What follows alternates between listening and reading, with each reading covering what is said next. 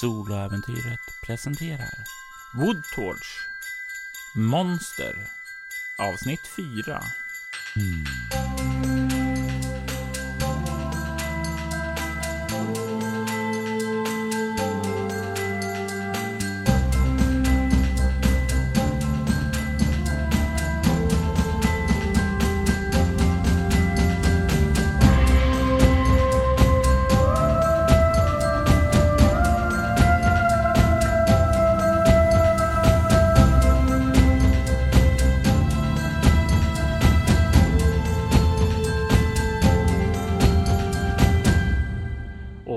se hur Katja verkar stanna bilen där och en av männen verkar resa sig upp för att kolla bort mot det där med en med en kikare med någon form av mörkerseende.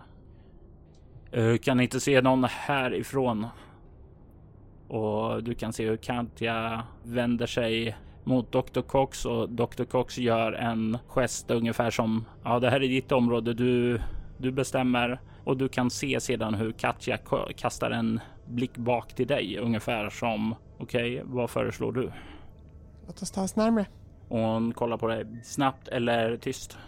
Låt oss gå ge oss av till fots. Och du kan se hon nickar uppskattande, ungefär som om det här var ett test bara för att se vad du skulle säga och hon verkar väldigt uppskattande på det här taktiska beslutet och nickar och stänger av bilen och hon hoppar ut och plockar fram vapnet osäkrade. Jag gör samma sak. Och eh, soldaterna tar sig också ut samtidigt som Dr. Cox kliver av och eh, jag tar den bakre delen av gruppen medan Katja tar ledningen. Var håller sig Sara någonstans?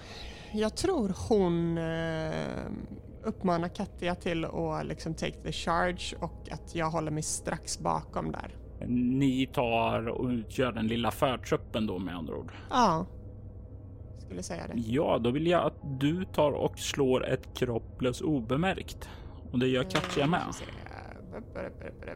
Kropp plus obemärkt eh, 11. Det är ju svårt att låta jättemycket i den här pudersnön som ni rör er vid. Det kanske inte går fort, men det är inte så att det knakar av skare när ni rör er framåt i alla fall.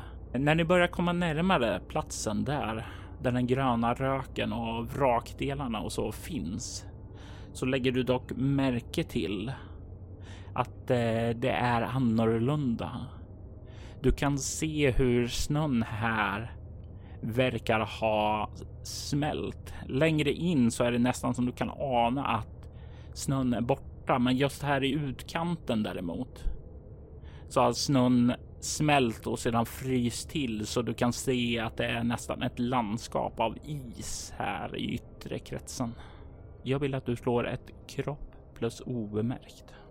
14. Eh, när ni står liksom kommer fram där och spanar in där i den här gröna röken för att försöka aha, se saker där så kan du ana en gestalt verkar sitta ned med ryggen mot det ser ut som en sida av helikoptern där. Jag typ så här håller upp en hand som att liksom så här avvakta, vänta mot Katja. Och nickar. Kan jag typ så här försöka fokusera på, på den här individen? Alltså så här, vad, vad ser det ut att vara? Är det en människa? Är det... Du kikar där borta och försöker bilda dig en tydligare syn och ja, det verkar vara en människa.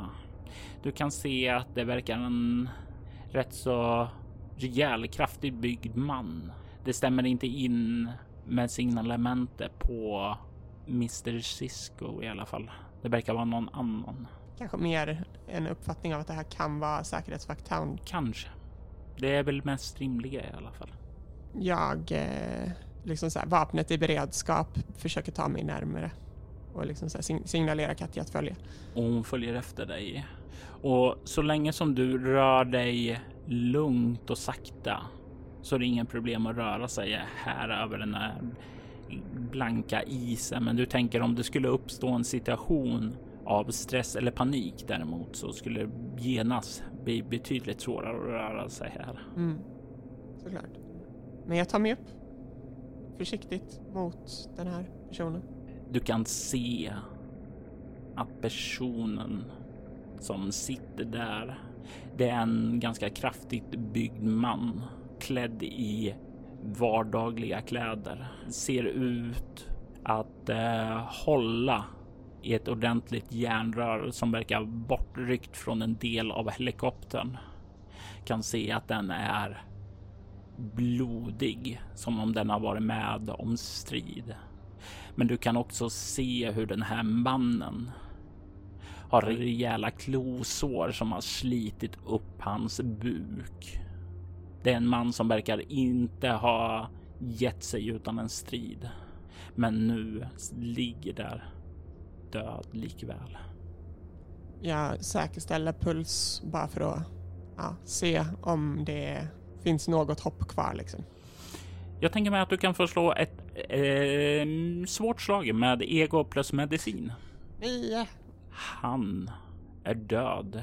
Så mycket medicin kan du i alla fall att han är död. Jag skulle vilja typ bara undersöka den här eh, liksom platsen, se ifall det är några spår som leder någonstans. Jag menar obviously om det är något som har attackerat den här så lär det finnas blod på whatever klor som har liksom ja, penetrerat hans buk. Eh, så jag skulle vilja se om jag kan hitta spår som leder eh, härifrån. Jag skulle vilja se om jag kan få en uppfattning över vad som har hänt. Eh, bara rent mer konkret. Du kan få slå ett lätt slag med ego plus stridsvana eller ett svårt slag med ego plus obemärkt. Jag vill gå för eh, det svårare slaget, men jag skulle vilja fråga om det är okej okay om jag använder min observant eh, specialisering för att undersöka brottsplats. Det skulle jag säga är absolut relevant i den här situationen. Gött. Då rullar jag 18. Du kan utifrån det här eh, platsen där han sitter emot på helikoptern som har kraschat här se att den bär spår av stångmärken. Du kan se att ja, det är nog rätt säker på att den här helikoptern den har blivit attackerad av renarna tidigare. Och du börjar få en stark känsla av att det var de som fick det att krascha utifrån skadorna här du kan se. Och när du liksom börjar röra dig runt och kolla så kan du även se två döda renar här. Att den här mannen, ja, han verkar ha tagit itu med dem. Antingen när de har, hade attackerat helikoptern eller när de hade kraschat. Du kan se att de inte har gjort skadorna från hans klosår utan de verkar ha kommit från någon annanstans. Och de här klosåren känns så bekanta för dig sedan tidigare. Det är samma klosår som har funnits på de andra offren. De som hade gjorts av Santa Claus, Steve Siskos stora klor som hade växt ut från hans händer.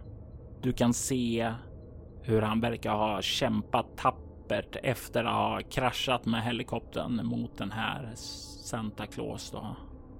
Men att han har blivit besegrad.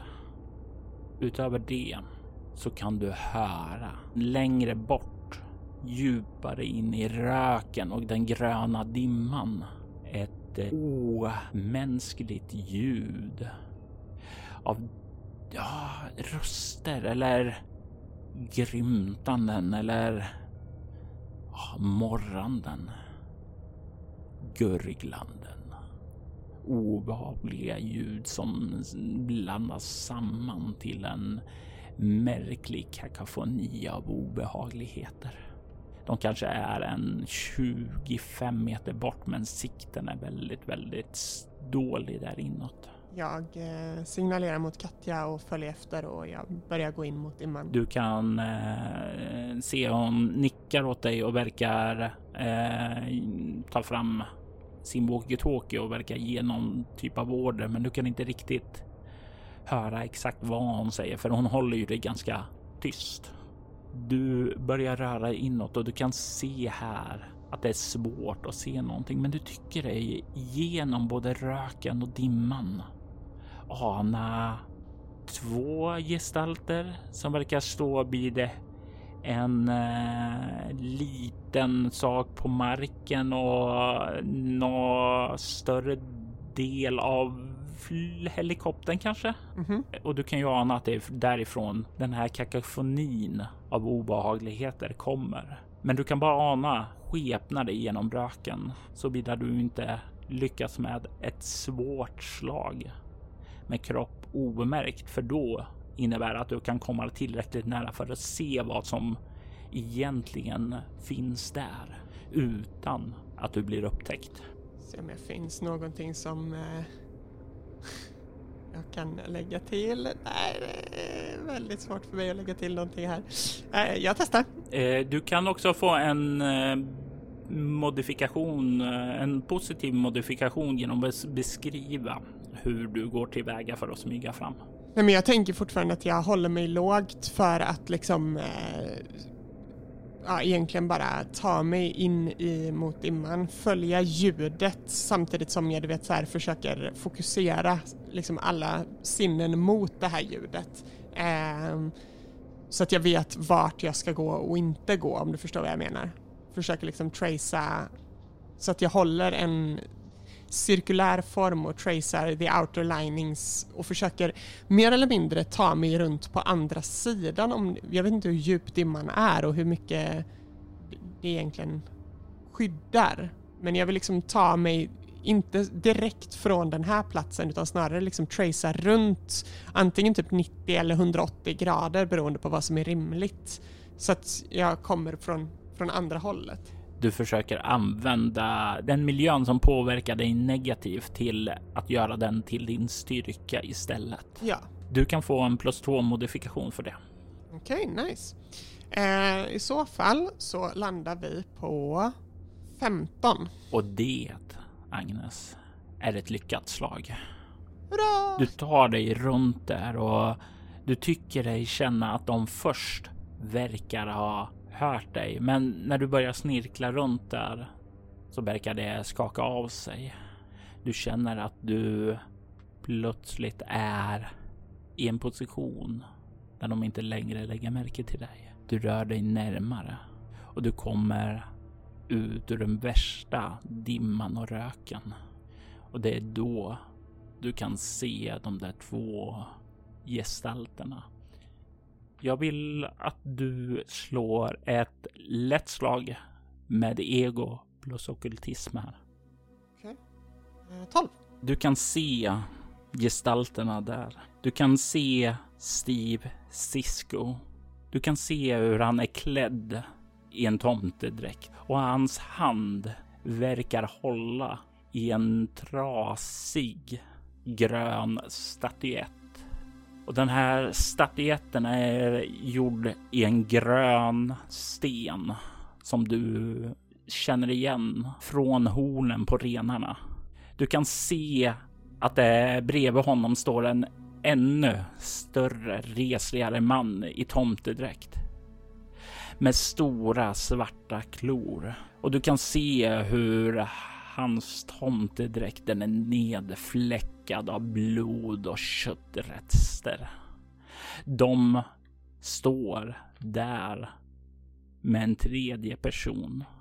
En person, eller förlåt, inte en person, saken som du tidigare såg där och som du trodde först var någon stor sten eller kanske en helikopterdel.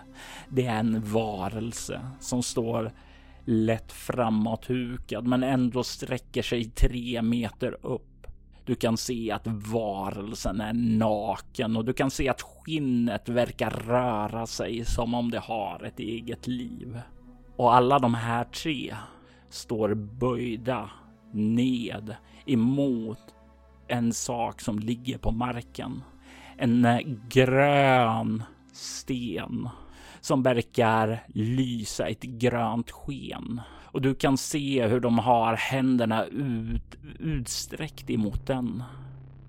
och du kan se hur det här skenet verkar pulsera in i dem och du med ditt slag kan ju se hur stenen verkar krympa samtidigt som dess, aha, den här kraften som måste finna inne i den verkar pulsera in i dem.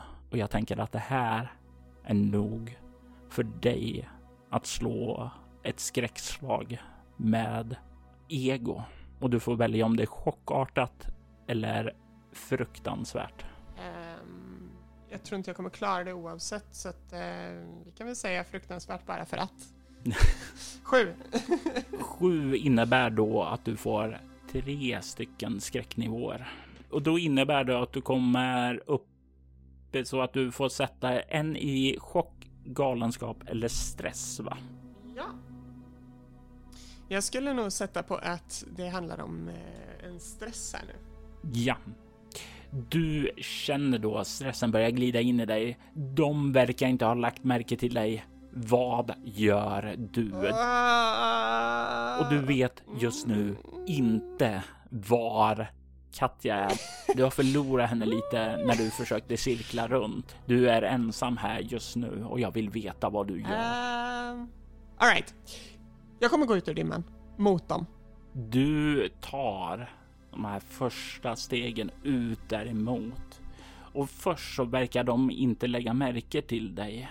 De verkar helt fokuserade på att absorbera den allt mer krympande kometen. Jag eh, inte avbryter, men själv, jag går in i en roll här nu och går in i att verkligen eh, confidently gå in och säga Där är ni, jag har letat överallt. Det verkar vara igång.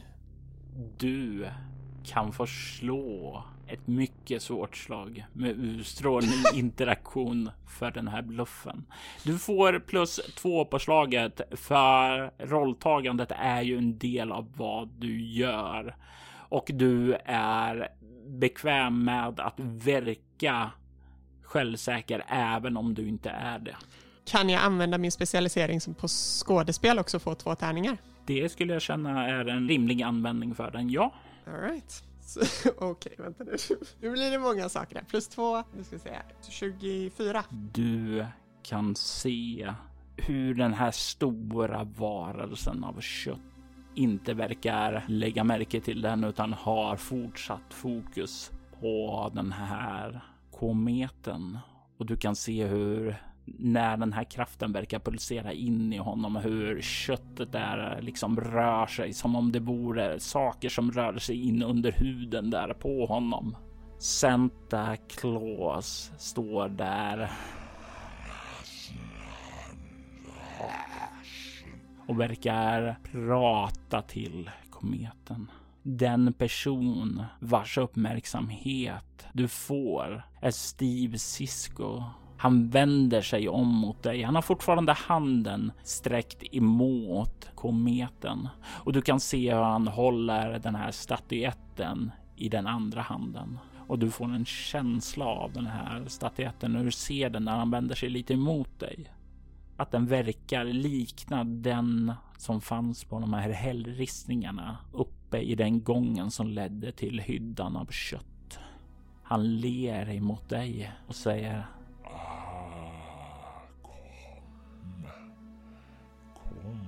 vi är inte giriga.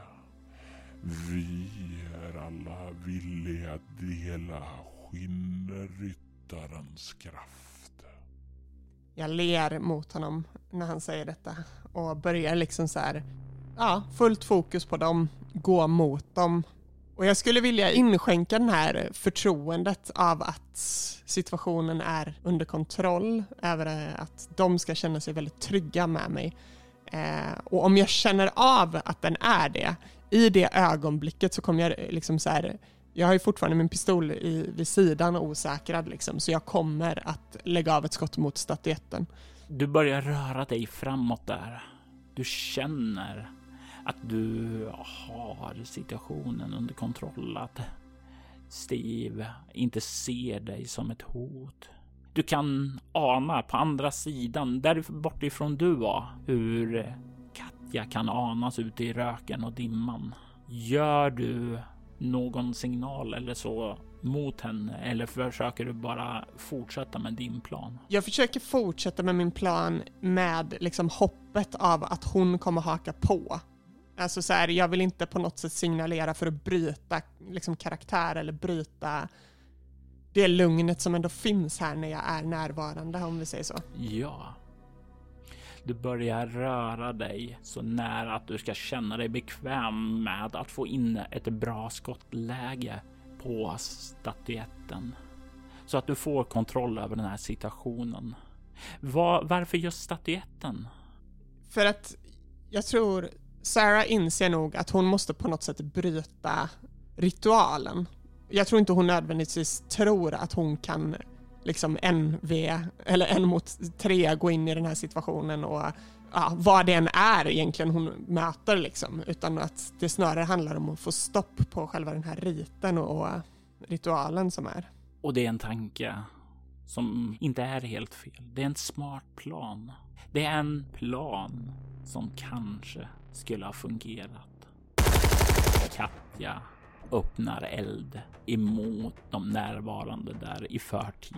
Men som den soldat är hon är så hör du innan du riktigt kommer fram till det där skottlägret hur automatelden bryter ut emot den här gruppen och eh, du kan höra att Santa Claus, den här lite större personen i tomtedäck, vrålar av smärtan då han träffas av hennes automateld.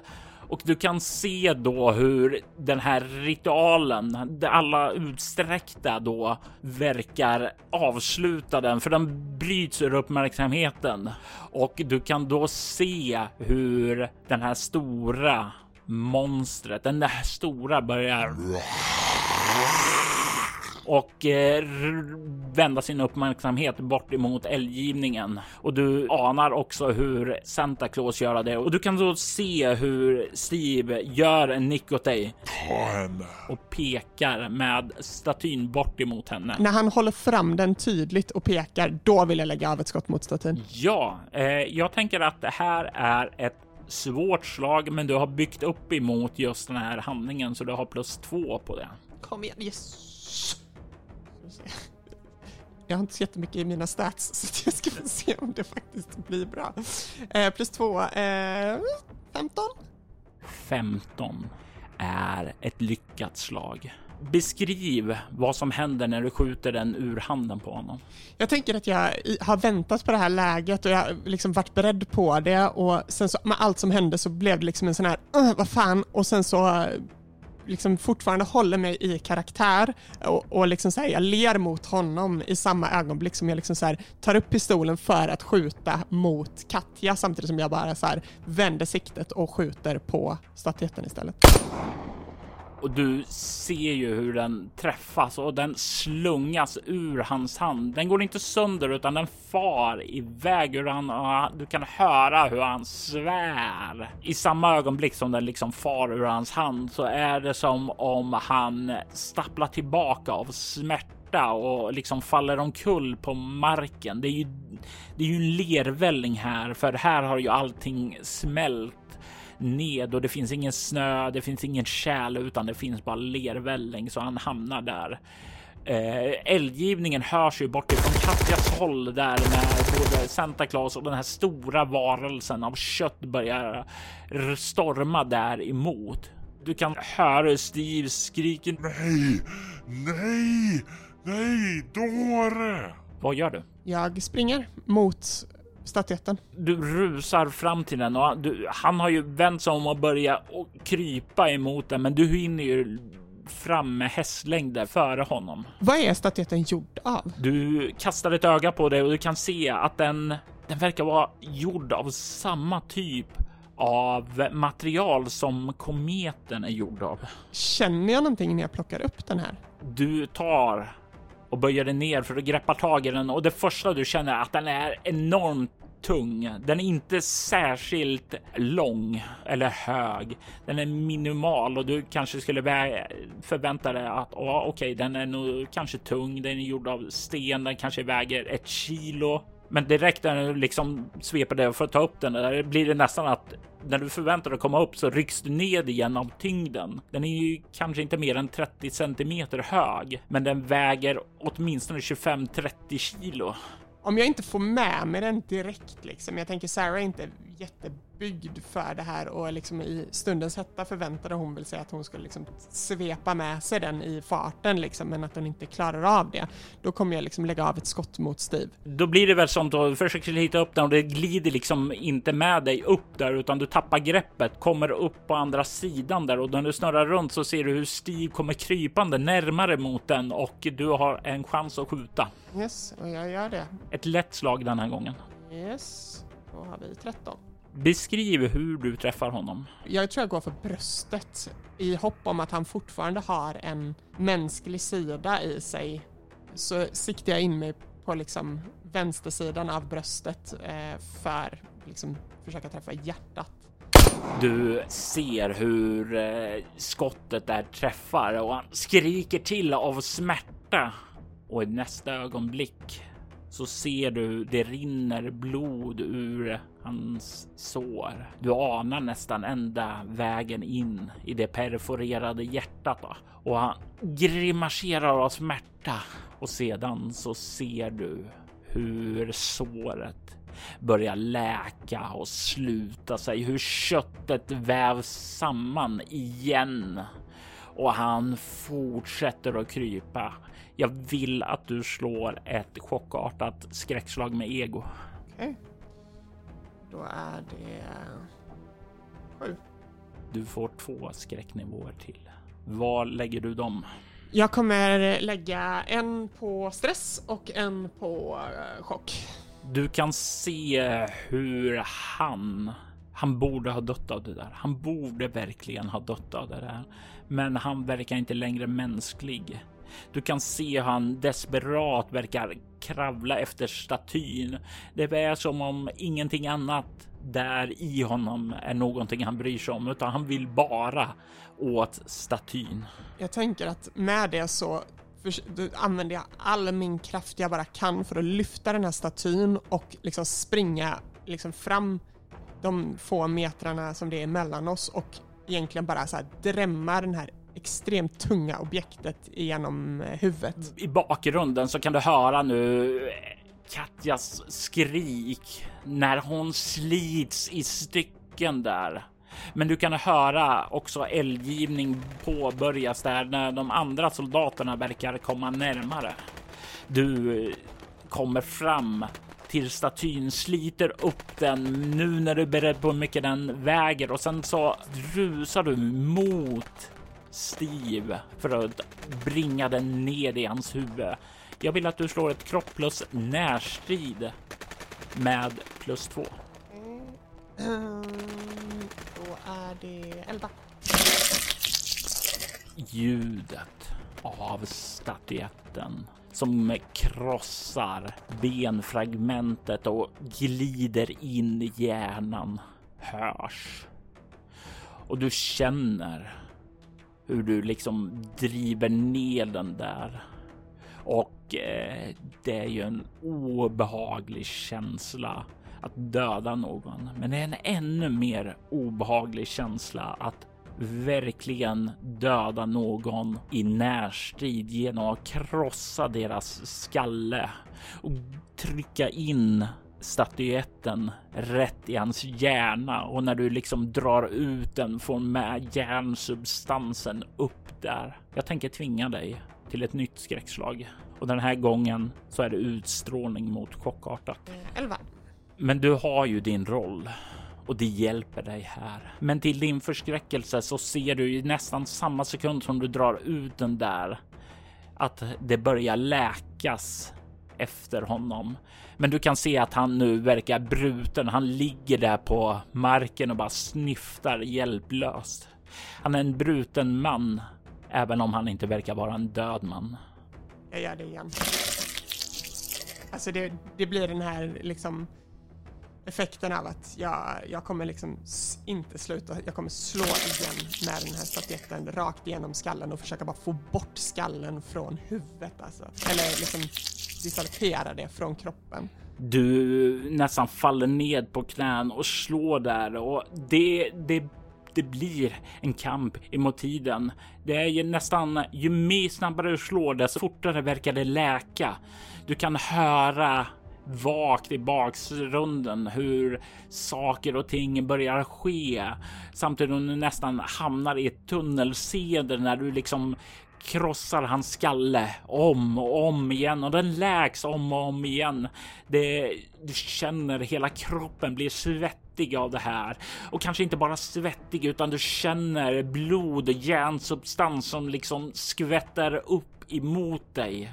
Och jag vill att du slår ett ego stridsvana här.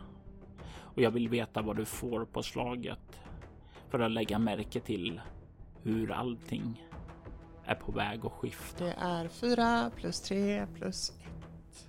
Så det är åtta. Du känner där i paniken börjar glida upp i dig. Han verkar inte dö. Varför dör han inte? Varför dör inte? Han borde bara dö. Och sedan så känner du den slemmiga tentakeln av kött glida upp bakifrån kring din hals.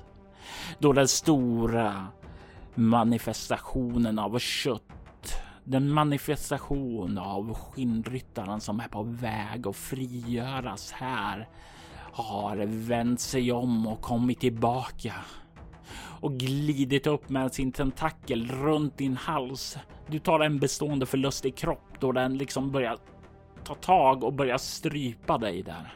Jag vill veta vad Sarah gör. Eh, försöker desperat slita sig loss skulle jag säga. Slå kropp närstrid om du vill ta dig loss på ett sätt som även skadar den här varelsen. Du kan även också använda kropplös rörlighet om du bara vill komma loss. Jag vet inte fan just nu. Ja, nej, men jag tänker eh, kropp eh, närstrid. Ja, jag failar det oavsett så att eh, antar jag. Jag, jag rullar totalt eh, sju. Du försöker att ta dig loss och eh, du tar dig faktiskt loss och jag vill att du beskriver hur du tar dig loss. Eh, hur du i den här processen skadar honom, men samtidigt förlorar statyetten. Jag skulle säga att i, i så här, bara ren desperation av att inte veta, alltså så här, jag kommer inte loss så kommer jag, jag kommer bita den här tentakeln. It's not gonna be nice, I know this. Men, men det är liksom så här, det är typ det enda jag ser. Antingen det, men det, det känns också, det är antingen det eller att typ så här skjuta tentakeln. Eh, men nej, det är roligare om vi biter, för det är åt helvete gross. Det är det. Du känner dina tänder glider in i det här. Köttet är mjukt. Det är full av så många smaker som du aldrig känt tidigare. Smaker som flera år efter den här händelsen kommer att komma tillbaka till dig i dina mardrömmar. Det är smaker som inte borde finnas i en mänsklig mun och du liksom biter djupt in i den här tentakeln och du känner hur den skakar till av smärta och liksom rycker loss dig och du faller liksom bakåt där och tappar statyn där i samma ögonblick där och du känner hur du får med en stor köttbit i din mun av den här tentakeln när du trillar bakåt där och den rycker undan sin tentakel i eh, ren smärta. Jag så här, försöker leta rätt på vart är statyetten. Det är det enda prion jag har just nu. Eh, jag tänker mig att eh, vad har du i obemärkt? Um, sex. Du ser ju att den ligger där mitt emellan dig, skinnryttaren och Steve Cisco. Bara när jag ser runt på den här situationen, vart är Katja? Finns soldaterna med? Vad, hänt, vad har hänt? Alltså jag tänker att det, så fort jag landar där, det är liksom som att jag ser över och försöker få en överblick. Då vill jag att du slår ett kroppsstridsvana. Ett lätt slag. Yes. Uh, nu kan vi rulla lite bättre, men det spelar ingen roll för jag är fan... Right. Ja, men det är fortfarande 12, så det är nice. Du vet att du, du, Steve Sisko och skinnryttaren verkar befinna er precis vid kometen då. Eh, Katja var ju längre eh, bort därifrån ni kom, så just nu så är hon väl åt, snett åt vänster för dig. Du skulle väl gissa att hon kanske är en 15-20 meter bort, men du hörde hennes skrik där så du vet inte hur pass stridbar skick hon är. Där borta verkar också Santa Claus vara och eh, du hörde eldgivningen längre bort därifrån så du kanske skulle gissa 10, 15, 20 meter bort så finns eh, soldaterna och det är ju tre stycken. Var Dr. Cox är, det har du ingen aning om. Men det är ungefär så eh, spelplanen ser ut just nu för dig. Och eh, Steve är fortfarande bara håller på att läka upp liksom. Steve, du, Steve verkar du ha krossat nu, så han, han, även om hans kropp läker så verkar hans sinne nedbrutet och förstört. Eh, även om den läker så du är rätt säker på med din taktiska översikt att han är utslagen ur den här striden. Det är mellan dig och skinnryttaren som eh, är kvar här. Jag kommer försöka se på den här jäkla skinnryttaren och försöka utröna eh, om det finns någon form av weak spot, om du förstår vad jag menar. Och sen kommer jag lägga av ett slag, alltså skott. Jag kommer inte gå för, alltså jag kommer inte verkligen studera för att få den perfekta liksom, punkten, utan det är snarare typ så här, titta på det, vad fan skjuter jag och sen så skjuter jag där det känns mest logiskt. Men det där slaget som du fick så slår en sak dig. Du kan se hur det här köttberget som det nu har förvandlats till med ett flertal tentakler som liksom har letat sig ut där och slår omkring sig, försöker sträcka sig utåt åt dig. Ja, mitt ibland dem så rör sig skinnet som en levande entitet och du hinner få en liten skymt av hur det öppnar sig en liten håla i dess kropp där du anar ett hjärta som pulserar. Men det, innan du hinner få en eh, klar eh, skottlinje eller ens upp i stolen så verkar det sluta sig igen. Det är du rätt säker på att det skulle vara en blotta som vore värd att eh, sikta på. Du är rätt säker på att någonting annat på den här kroppen kommer inte ens känna av dina kulor överhuvudtaget. Men du vet inte hur ofta den öppnar sig. Med det sagt så, så, så kommer jag försöka liksom bara göra vad jag kan för att hålla mig på distans och egentligen invänta att den här öppningen kommer igen. Redo med pistolen liksom om du förstår vad jag menar. Jajamensan. Så jag kommer ta liksom en mer defensiv stans för att verkligen wait for the moment. Och du kan se när du liksom börjar göra det att den är på väg att glida fram till kometen och den kommer då glida över statyetten som ligger där på marken. Låter du den göra det? Jag kommer försöka skjuta mot statyetten bara för att liksom återigen gå tillbaka. Så att den liksom, jag är med på det här men jag, jag, kan, jag kan inte... Jag fattar själv att jag har inte fysisk kapacitet att ta mig an den här entiteten själv i liksom fysisk närstrid, så jag kommer inte försöka gå för statyetten. Då vill jag att du slår ett eh, lätt slag med kropp avståndsstrid och du får minus två på slaget på grund av dålig sikt och liksom stressade omständigheter. Yes, eh, totalt på 10. Och du skjuter på den här statyetten och du kan se hur den kulan träffar perfekt så att den, den här statyetten den far bortåt ut ur skinnryttarens väg. Du kan se hur den verkar inte bry sig om statyetten utan den glider fram till det som är kvar av kometen och slingrar sina tentakler omkring den. Kometen börjar lysa igen. Du kan se hur när den omfamnar den, hur den börjar lysa igen och börjar krympa då den här varelsen samtidigt börjar växa, bli större. I bakgrunden så hör du eldgivningen pågå och du kan höra skrik också som bryter ut när Santa Claus kommer med sina klappar till de andra vakterna. Jag tänker mig att du kan få slå ett ego stridsvana. Ett lätt slag. Nio. Nej, tio. 10 för ett lyckat slag. Du håller en defensiv position. Väntar på läget när det ska öppna sig igen. Du ser hur kometen krymper då skinnryttaren absorberar hans kraft. Du kan se hur han växer, hur han blir starkare, hur hans kraft blir större.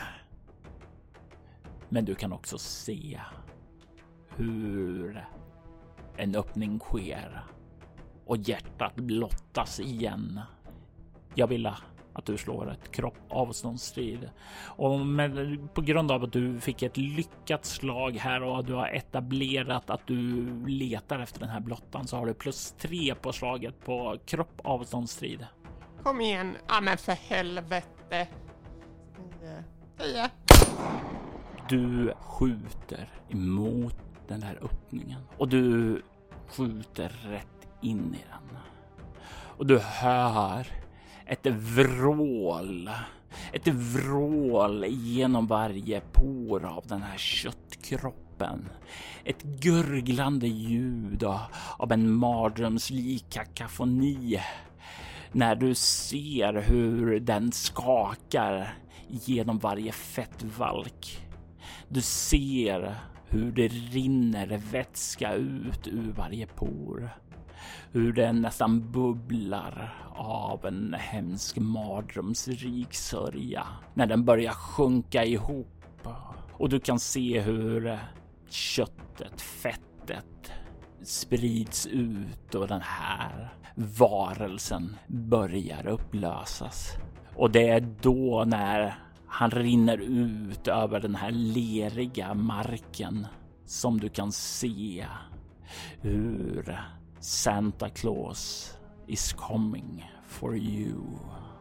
Du ser hur den mm, högresta tomteklädda mannen kommer med sina mörka kalla helvetesbrunnar till ögon stirrandes mot dig och hans stora blodiga klor. Du kan se hur hans tomtedräkt har färgats mer av köttslamsor ifrån de vakter som han har massakrerat där och hur han nu är på väg för att ge dig sin klapp. Vad gör du? Går en tanke snabbt över vad om det ens finns en chans i helvetet att jag kommer kunna göra det här. Att jag kommer kunna ta den här striden. Samtidigt som liksom tanken av att fly och klara sig på det sättet slår Sarah lika fort över att det kommer inte gå. Jag kommer inte kunna ta mig härifrån. En ärlig strid kommer du inte kunna vinna. Det inser du själv. Och det, det, är någonting i det där som känns lite hopplöst. Men så samtidigt så blossar ju det upp en sak i ditt minne. En tanke från din träning. Och du kan höra din äldste Franciscus Blacks röst eka i ditt sinne. Många av de bästa vi jagar är knutna till idoler, statyer, medaljonger. De hämtar styrka från dem, men är också sårbara genom dem. Om du inte kan besegra dem i en ren strid, finn deras ankare och förstör det. Och med det försöker jag så här återigen bara koppla tillbaka. Vart fan är statyetten? Och eh, tittar mig runt. Du ser ju den längre bort på marken, lite utanför allt det här.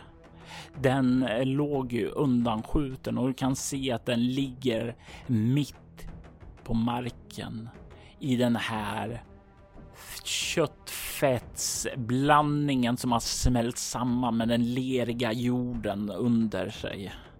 Du ser den ja, en bit bort. Och du kan se att om Santa Claus kommer rakt framifrån dig så är den här statyetten snarare åt din högra sida. Jag typ slänger mig mot och försöker också se, finns det någon form av sten eller någon form av, du vet så här, tyngre tillhygge? Inte just här omkring det, och det, utan allting verkar mjukt och sådant. Det enda som är starkt, tungt och verkligen hårt och kompakt här. Det är ju kometen då. Eh, jag tar mig mot statyetten, eh, bara instinktivt. Jag ruschar mot den. Jag vill veta vad du har i obemärkt och rörlighet. Rörlighet 4, obemärkt 6. Och du liksom har då inga problem att finta det här Santa Claus för att rusa lite mot honom och sedan ducka av där och slida förbi åt sidan och glida bort till statyetten när han tror att du är på väg mot honom. Han far förbi dig och när han inser att du är ute efter statyetten så verkar han och försöka stanna upp och vända sig tillbaka för att chargea mot dig, men han glider ju i den här lervällningen innan han får stopp på dig. Du glider fram till statyn och nu när du vet hur tung den är så är det inga problem att greppa upp den. Du kommer upp på fötter. Du ser hur han har stannat upp och vänt sig och ni står på varsin sida om den här kometen.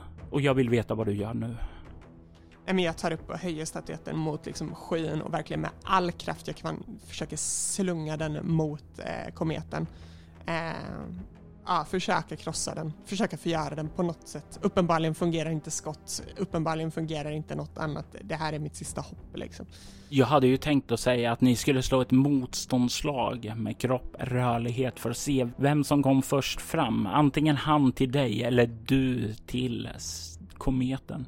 Men när du slungar den istället så får du slå ett Antingen får du göra med kropp om du liksom litar på din kropps eh, styrka och precision eller ego om du snarare vill försöka göra ett mer precis kast och kalkylera dess bana och sådant. Och sedan lägger du på ett avståndsstrid. Men jag kommer försöka göra det precis för det. Jag vet att det här är det här är liksom en. Det här är sista utvägen, det är sista chansen. Eh, så att det måste bara gå och det måste, jag kan inte gå rent på intuition utan det måste bara sitta 100% rätt. Liksom. Så jag väljer ego och avståndsstrid. Men kan jag sluta rulla ettor för helvete? Nio. Du kastar den där och det är ett marginellt lyckad. Du känner hur Santa Claus, han ser inte vad du gör utan han är så fokuserad på att han ska ta dig och han chargear med en onaturlig hastighet och du lobbar statyetten genom luften. Den far över honom och i nästa ögonblick så känner du klor som körs in i din buk. Du får en bestående förlust i kropp till. Du känner smärtan och i nästa ögonblick så slår statyetten ned i kometen.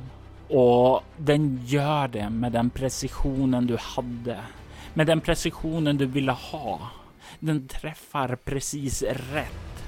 Och du kan känna hur den krossas. Du hör ljudet av sten som spricker och i nästa ögonblick så sveper det ut en chockvåg ifrån både den kvarvarande kometen och statyetten ut över er. Du känner kraften och slungas bakåt samtidigt som du ser då Santa Claus som liksom far med dig ovanför dig hur han upplöses i nästan en grön aska som sprids i vinden ovanför dig. Du landar i gyttjevällingen, glider flera meter bort, känner hur luften går ur dig och sedan så slocknar den gröna röken, dimman omkring dig och du ligger där i lervällingen och omgivningen nu lyser blått ifrån de eldar som finns kvar ifrån helikopterkraschen. Allting verkar ha tystnat. Allting verkar lugnt. Vad gör Sara? Instinktivt sjunker ner till knäna och bara andas ut för en sekund. I liksom så här, hela ruset av hela den här situationen tittar hon sig omkring, liksom ganska tafatt på, på liksom allt runt omkring.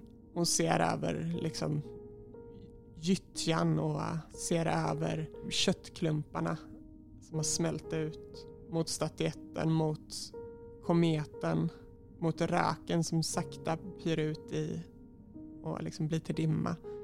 Kollar mot Steve Siskos kropp innan hon för vidare blicken mot vart Katja och hennes mannar är. Du kan se hur Steve Siska har kommit upp på knä och verkar sitta där och liksom vagga nästan som i ett apatiskt tillstånd där. Chockad, krossad, nedbruten och naken.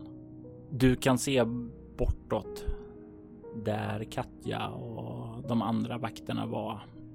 Att de ligger livlösa på marken. Du kan se dock en man komma gående ut därifrån, bortifrån och du kan se Dr. Cox som verkar vara på väg fram emot er. Jag försöker liksom så här stapplande ta mig upp på fötter igen och väntar liksom bara återigen tittar ut över allt det här och uh, säger ingenting men noterar att han går liksom. Och du kan se han börjar komma fram till dig och du kan se att han nickar åt dig. Du ser illa åtgången ut. Eh, låt mig tillkalla ett läkarteam åt dig. Jag säger ingenting utan nickar, ger ett typ så här vagt antydan till ett leende men säger ingenting. Och du kan se han tar upp en walkie-talkie och tillkallar en läkarhelikopter att eh, ta hand om dig. Du kan höra lite radiochatter som sker där i bakgrunden. Och därefter så sänker han det. Han lägger handen tröstande på din axel och säger det här löser sig. Tack så mycket. En helikopter kommer att komma om typ 20 minuter, en halvtimme. Under den här tiden, vad har Sarah gjort?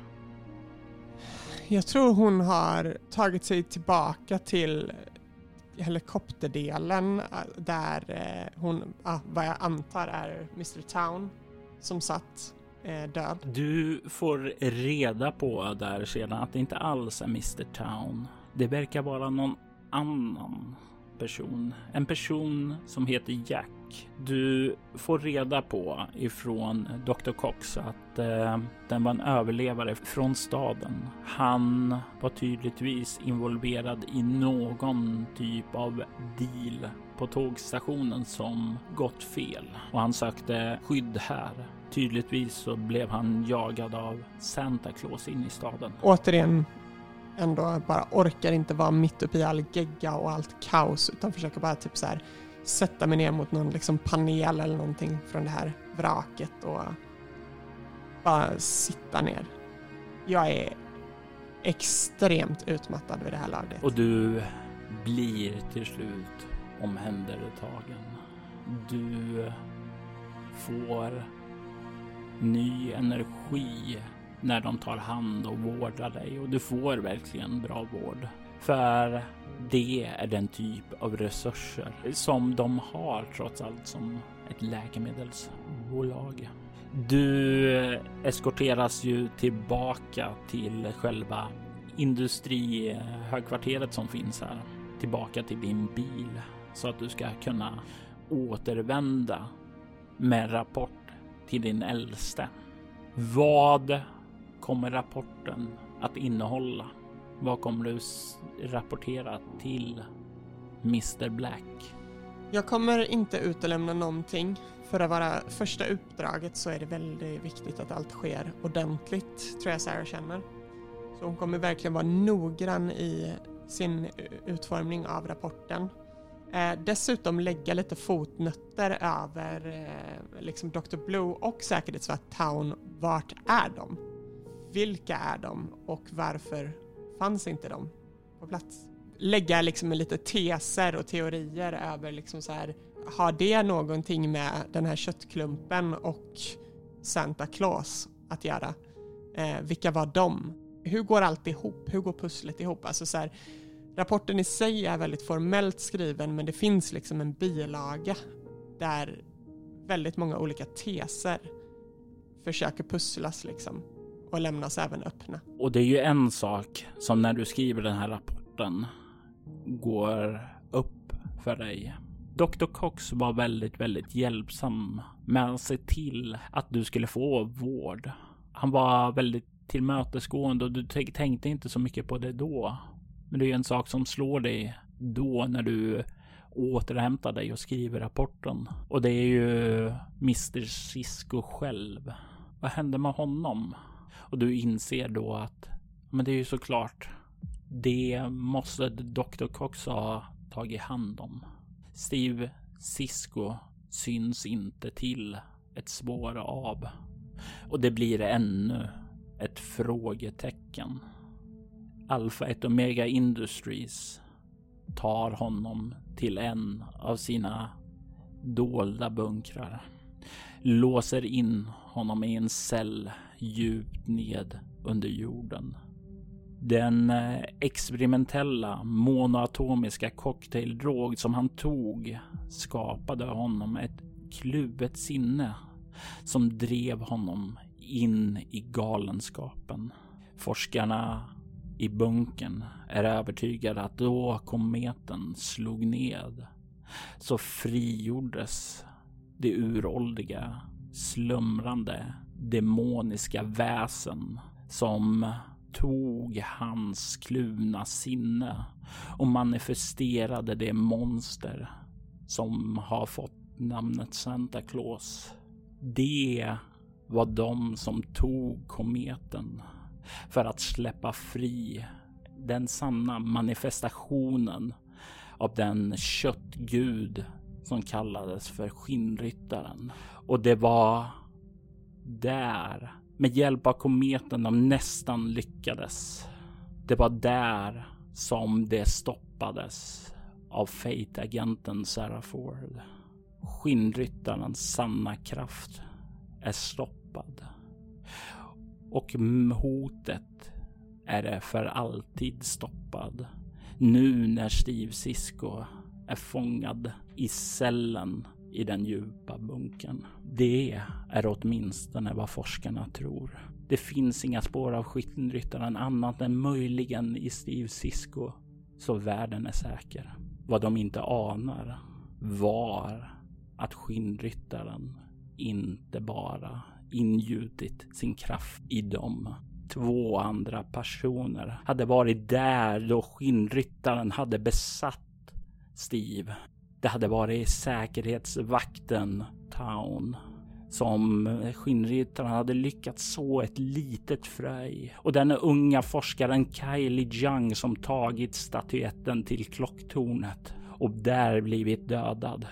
Men inte förrän den statyetten som hon stulit under ritualen hade fastnat i klocktornets kugghjular.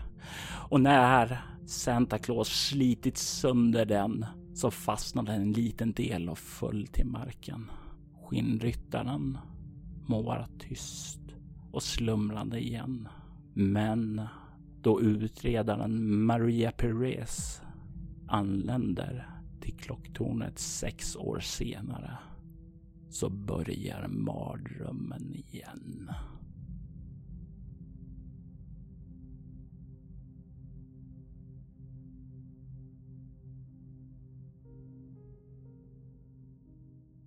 Woodtorch Monster avsnitt 4 var ett scenario skapat, spelet och redigerat av Robert Jonsson. Spelare i detta avsnitt var Agnes Rudbo. Övriga roller i detta avsnitt var Jörgen Nemi som Franciscus Black. Temamusik till detta avsnitt gjordes av Marcus Linner. Du kan hitta honom på Bandcamp som Mbit. Övrig musik gjordes av Ugasani, Coag Music och Adrian von Ziegler. Ugasani är ett band som tillhör bolaget Cryo Chamber vill ha stämningsfull ambient musik vid dina spelmöten. Rekommenderar jag dem varmt. Soloäventyret är en actual play podcast där vi spelar rollspelen Bortom och Leviathan. Ni kan komma i kontakt med oss på info.bortom.nu det går även bra att följa oss på Instagram och Twitter som att spela bortom, som soloäventyret och bortom på Facebook samt på bortom.nu. Tack för att ni har lyssnat.